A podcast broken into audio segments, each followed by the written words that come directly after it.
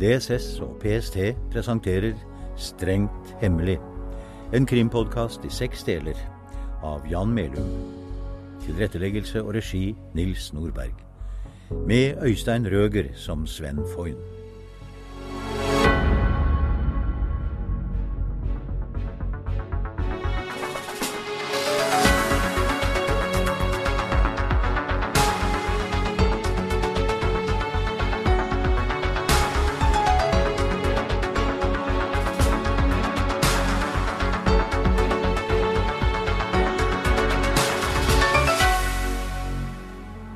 Lørdag 22. september. Klokken 09.45. Anita Moens leilighet i mellombølgen på Lambertseter.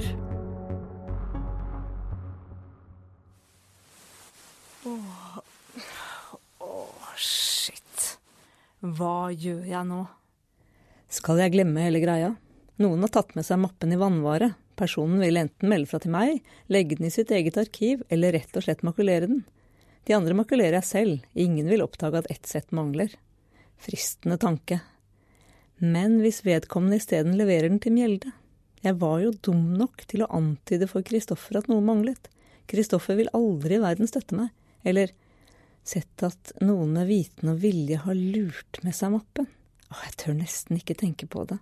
En lekkasje vil bety at hele knutepunktprosjektet må skrinlegges. Et internt oppgjør blir det uansett. Og jeg vil i beste fall sitte igjen med lavere lønn og null framtidsutsikter. Det er det siste jeg trenger. Slik jeg ser det, er det bare én ting jeg kan gjøre. Hei, unger. Jeg skal bare dusje, så drar vi til pappa. Strengt hemmelig episode 2 Rubicon Lørdag 22. september klokken 12.15 Anita Moens kontor i Akersgata 64 Hun har levert ungene til faren deres og har gjort et siste søk etter den forsvunne mappen. Foyn? Ehm, Sven Foyn, eh, advokaten. Ja, det er meg. Eh, Det er eh, Anita. eh, Anita Moen. Oi, jøss ja, ja, ja, det, ja, det, det var uventet. Eh, Ja. Det er Eh, Lenge siden sist. Ja, vi møttes i går. Altså, Mm. så, men ellers var det, ja, det er 18 år. Oi, så lenge. Ja, ja, ja, det var Det er en skyldig- sak det- jeg gjerne Ja, du først. Jo, det er altså en sak jeg eh, gjerne vil eh, diskutere med deg. Handler det om det møtet vi begge deltok på? Jeg vil helst ikke si noe om det her. Har du litt tid i dag? Eh, Jeg vet det er lørdag ettermiddag og allting, men Ja, nå var du veldig heldig. Ja, Mm, jeg er i Oslo nå. Til vanlig så holder jeg jo til i Tønsberg. eh, ja selvsagt. Men det passer altså, eller Ja, det går fint da. På kontoret ditt. Hvor er du nå? Jeg har bodd på Bristol. Kanskje vi kunne gå en tur eh, i det fine været? Ja, hvorfor ikke det? Jeg var akkurat på vei ut for å levere noe til en venn av meg som bor på Sankthanshaug. så Kan ikke vi møtes på kaffebaren like, på, ja, like ved gutta på haugen? Vet du hvor det er, ikke sant? Ja ja, jeg har bodd i det området. Ja, ja da ses vi da. Times til. Fint. Åh, så bra. Ja, fint. Hei. Jeg googler Foyn. Han nærmer seg 50. Skilt og bor alene, han også selvsagt. En datter som studerer i Berlin. Virker sprek for alderen. Ganske uvanlig CV, må jeg si. Er han den mannen jeg trenger? Lørdag 22. september klokken 14.10. Kaffebaren Java på Sankthanshaugen i Ullevålsveien, Oslo. Anita Moen sitter ved vinduet med utsikt over gaten. Nå kunne det gjort seg med et glass vin, men eh, her har de bare kaffe. Hei. Å hei, så fint at du kunne. Alt i orden. Ja, dette her, det var jo overraskende, må jeg si. Ja, skjønner det, men eh, ja, den gjelder altså en ømtålig sak. Ja vel. Det du hører fra meg må forbli mellom oss. Ja. Også hvis du tilfeldigvis har begått et drap? Dette handler ikke om en forbrytelse, tror jeg, da. Nei vel. Jeg kan i hvert fall ikke love deg taushet så lenge jeg ikke vet hva det dreier seg om. Det dreier seg altså om et sikkerhetsspørsmål. Altså ikke noe personlig? Nei da, men jeg kan komme til å trenge hjelp. Jobbrelatert? På en måte. Ja. Du er jo engasjert som juridisk konsulent for nytt regjeringskvartal. Jeg kan benytte meg av dine tjenester, og du vil få adgangskort til departementene. Så du er i trøbbel, Anita. Ja. Ja. Jeg må vel innrømme det. Fortell. Det gjelder de mappene dere fikk utlevert på møtet i går. En av dem mangler. Den var ikke der da møtet var slutt. Den er rett og slett borte, og jeg Du tror at jeg har tatt den. Nei, selvsagt ikke. Så. Jeg må finne ut hva som har skjedd med den. Først og fremst hvem som har den. Og det du sier, eller rett sagt ikke sier, så skjønner jeg at du ikke har lagt problemet framfor dine overordnede. Jeg er sikker på at du vil forkaste alternativet. For i det øyeblikket du har startet en form for skjult etterforskning, har du krysset Rubicon. Det blir ingen vei tilbake. Jeg kan ikke gå tjenestevei. Da vil noen benytte anledningen til å gjøre livet surt for meg. Veldig surt. Og dessuten, det mest sannsynlige er at eh, hele problemet skyldes en forglemmelse som kan oppklares på en diskré måte. Greit. Da må vi vurdere alternativene. Hva mener du? Ja, det er jo flere muligheter. Dokumentet er bare glemt innlevert og vil dukke opp igjen enten diskré eller offisielt. Det kan bli gitt til pressen eller bli levert til en fremmed makt, enten ved at noen bare benytter anledningen, eller fordi dette dreier seg om planlagt spionasje. Følger du med? Ja. Jeg har tenkt det samme, men jeg tror mest på det første alternativet. Så la oss håpe du har rett. Men i slike tilfeller er det klokt å tenke worst case. Ok. Når det gjelder 19 av deltakerne, vet vi at de leverte inn sin mappe, men for de øvrige ni vet vi ikke. Jeg regner med at alle disse ni er sikkerhetsklarert. De er sikkerhetsklarert for hemmelig. Da trenger jeg CV-ene deres. Jeg kan ikke begynne å lete etter personalopplysninger uten videre. Det kan bli oppdaget, og sikkerhetsklareringene er utelukket. Jeg skjønner. Så skaff meg det du har, så skal jeg se hva jeg kan få til. Jeg skal prøve, Sven. Har du en liste over de potensielt skyldige? Jeg liker ikke betegnelsen skyldige. Det må jo dreie seg om en forglemmelse. Som du alltid har sagt til ham? Men du, du snakket om å gå en tur, Anita, så la oss bare rusle litt ut i parken, så skal du gi meg litt sladder. Så Vi bør holde oss unna andre når vi berører dette temaet. Sankthanshaugen Park lørdag 22. september klokken 15.15. Anita Moen overrekker Foyn en liste med navn. Håndskrevet. PC-er kan hackes. Her. Ni møtedeltakere, inkludert eh, Kristoffer Hernes, med navn og stilling og det jeg ellers vet om dem. I tillegg har jeg ført opp eh, rådgiveren eh, Fredrik Holm. Altså Fredrik møtte jo ikke opp, så han fikk ikke utlevert noen mappe, men eh, han har hatt tilgang til safen der materialet ble lagret. Så han kunne ha kopiert opp en mappe til seg selv på forhånd. Så ti mulige kandidater totalt. Hvorfor denne rangeringen? Den er ikke rangert. Nei, ikke alfabetisk, nei, men jeg tror ikke på tilfeldigheter. Så du begynte med dem du først tenkte på, ikke sant? Og sånn, ja. Men det var ikke bevisst. Ja, ja. Hva med førstemann, f.eks. ekspedisjonssjef Frank Svendsen fra Forsvarsdepartementet? Jeg kjenner ham ikke spesielt godt, men har truffet ham noen ganger. Han har militær bakgrunn og er i tillegg statsviter. Ok. Den siste tiden har han særlig arbeidet med internasjonale spørsmål. Jeg gjorde en liten sjekk på ham. Ja, og? Han er bl.a. svært språkmektig. La meg gjette. Slavisk språk? Ikke bare det. eh, Han behersker også arabisk, i hvert fall på et eh, visst nivå. Derfor har han vært nyttig når det gjelder å pleie våre forbindelser i de områdene av verden. Hva vet du om han privat? Skilt, bor alene, ingen barn. Egentlig er han fra Finnmark. I tillegg til det du nå har fortalt, så var det også noe annet som fikk deg til å plassere ham først. Jeg vet ikke riktig. Det er vel bare intuisjon, tenker jeg, eller Eller hva? Vel, altså Helt tilfeldig så så jeg ham bak rattet i en bil du ikke venter å finne en eh, dårlig betalt byråkrat i. En stor glinsende Porsche. Den så helt ny ut. Kan skyldes dårlig smak. Eh, Ryktene sier at han er eh, litt av en levemann. Mye på byen. Ok. Kan du finne ut noe mer om han? Det vil bli lagt merke til hvis jeg begynner å stille spørsmål. Du aner ikke hva det er mulig å finne ut om folk, Anita. Det er utelukkende et spørsmål om tid og penger. Men vi har ingen av delene. Ja, synd. Du, jeg skal se hva jeg kan få til. Eh, du, så, la oss sette oss litt. Så.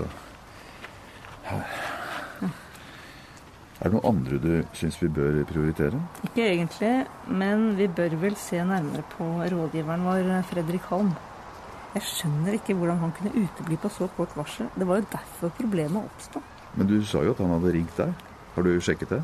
Åh, det har jeg helt glemt. Gjør det nå. Mm, nei, jeg finner ikke oppkallet. Men selv om jeg hadde skrudd av telefonen, så burde det vel ha kommet opp etterpå? Ja, det mener jeg bestemt.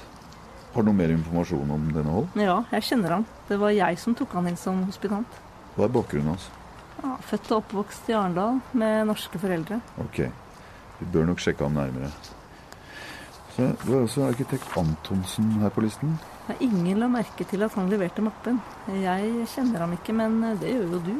Det gjør jeg. Men han er ingen nær venn av meg. men Oss imellom så har han vært gjennom en vanskelig periode, og jeg er ikke sikker på hvordan han har det nå. Eller En vanskelig periode, hva betyr det? Først en tøff skilsmisse, så økonomiske problemer. Ja, det høres kjent ut. Eh, Tror du det kan bety noe? Potensielt ja, men jeg kjenner ham ikke godt nok. Jeg skal sjekke det. Når det gjelder denne saken, er han sentral. Ok. Han vet mer enn de fleste, både om nytt eh, regjeringskvartal og knutepunktene. Men hva med firmaet hans? Nei, Det er ikke lenger hans.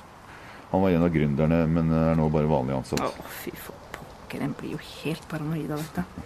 Hvis vi ser godt nok etter, er det jo noe mistenkelig ved alle. Men deg også, kanskje? Nå, jeg har hatt mine vanskeligheter, ja. Så hvis noen andre skulle sitte og bale med et problem som dette, så vil kanskje du komme høyt opp på listen? Helt sikkert. Denne gang går du klar. Heldigvis. Før vi tar for oss de andre på listen din, så er det en annen person vi bør se litt nærmere på. Hvem mener du? Assistenten din, Hernes, han var jo i posisjon til å få en mappe til å forsvinne. Du kan ikke mene det, vel? Og han er jo dessuten ikke min assistent. Hvis du hadde påstått noe sånt, ville han blitt dødelig fornærmet. Og så lenge vi ikke vet noe, så må vi vurdere alle muligheter. Ja, ja. Ja, du har nok rett, men da må vi også inkludere deg. Eh, Verken Kristoffer eller jeg selv så at du leverte mappen, og du er jo litt av en dark horse her. Se der, ja. Nå er du i rett modus. Men det var altså ikke meg. Nei vel. La oss ta denne Hernes. Du har fortalt meg at han fikk det påfallende travelt da møtet sluttet. Var det tilfeldigvis han som insisterte på å ha dokumentene på papir og ikke digitalt? Ja, faktisk. Og jeg lurte også på hvorfor han insisterte på det. Hva kan du fortelle meg om Kristoffer Hernes? Ja, han er Siviløkonom fra NHH, 35 år, seniorrådgiver, smart, men kanskje litt vel ambisiøs. Ja, noen vil nok si hensynsløs. Og kanskje ute etter jobben din? Mm, Det var noe rart med ham den dagen, noe uvanlig til han å være. Ok. Hvis han har rotet med innleveringen for å lage vanskeligheter for deg, så har vi i hvert fall grunn til å anta at dokumentene ikke er spredt til andre. Tja, det er jo noe. Hva med privatlivet hans? Ja, temmelig turbulent, tror jeg. Etter hva jeg har hørt, er han på kjæreste nummer tre siden han begynte hos oss. Han oser sjarm, eller det mener tydeligvis navnet. Riktig ladykiller, altså. Ja. Har han barn? Ikke så vidt jeg vet, men den nye kjæresten hans har det. Det er et interessant arbeidsmiljø dere har, forstår jeg. Han må jo ha blitt grundig sjekket for å bli sikkerhetsklarert. Sikkert. Ja da. Kjenner du til familiebakgrunnen hans? Egentlig ikke. Han snakker aldri om bakgrunnen sin. Eh, Når jeg tenker meg om, har jeg aldri hørt ham fortelle om familien. Jeg vet ikke engang om han har søsken, eller om foreldrene lever.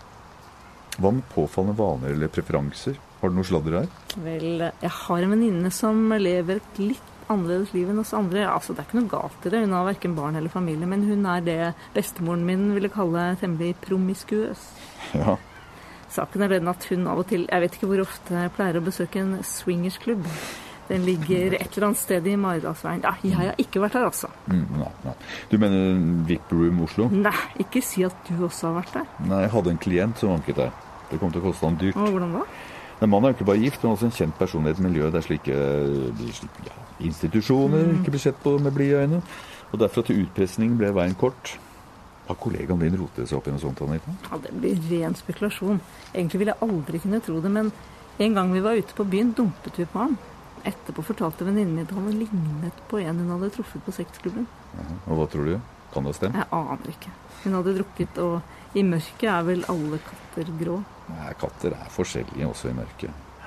Har du noe mer? Jeg skjønner at du er i en skitten bransje, Sven. Du ser jo spøkelser overalt. Ikke spøkelser, Anita. Elefanter.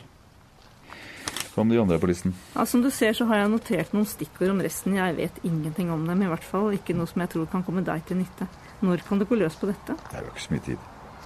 Vi får se hva jeg greier å finne ut. Jeg har noen kontakter. Tusen takk skal du ha. Men eh, dette krever absolutt diskresjon. Altså, vår lille etterforskning må bli strengt hemmelig. Det er ille nok at jeg involverer deg. Hva slags folk er det egentlig du omgås?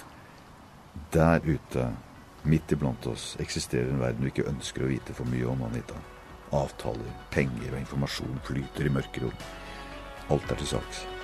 Uten hjelp så greier vi ikke å løse denne plukken. Og husk, vi har dårlig tid.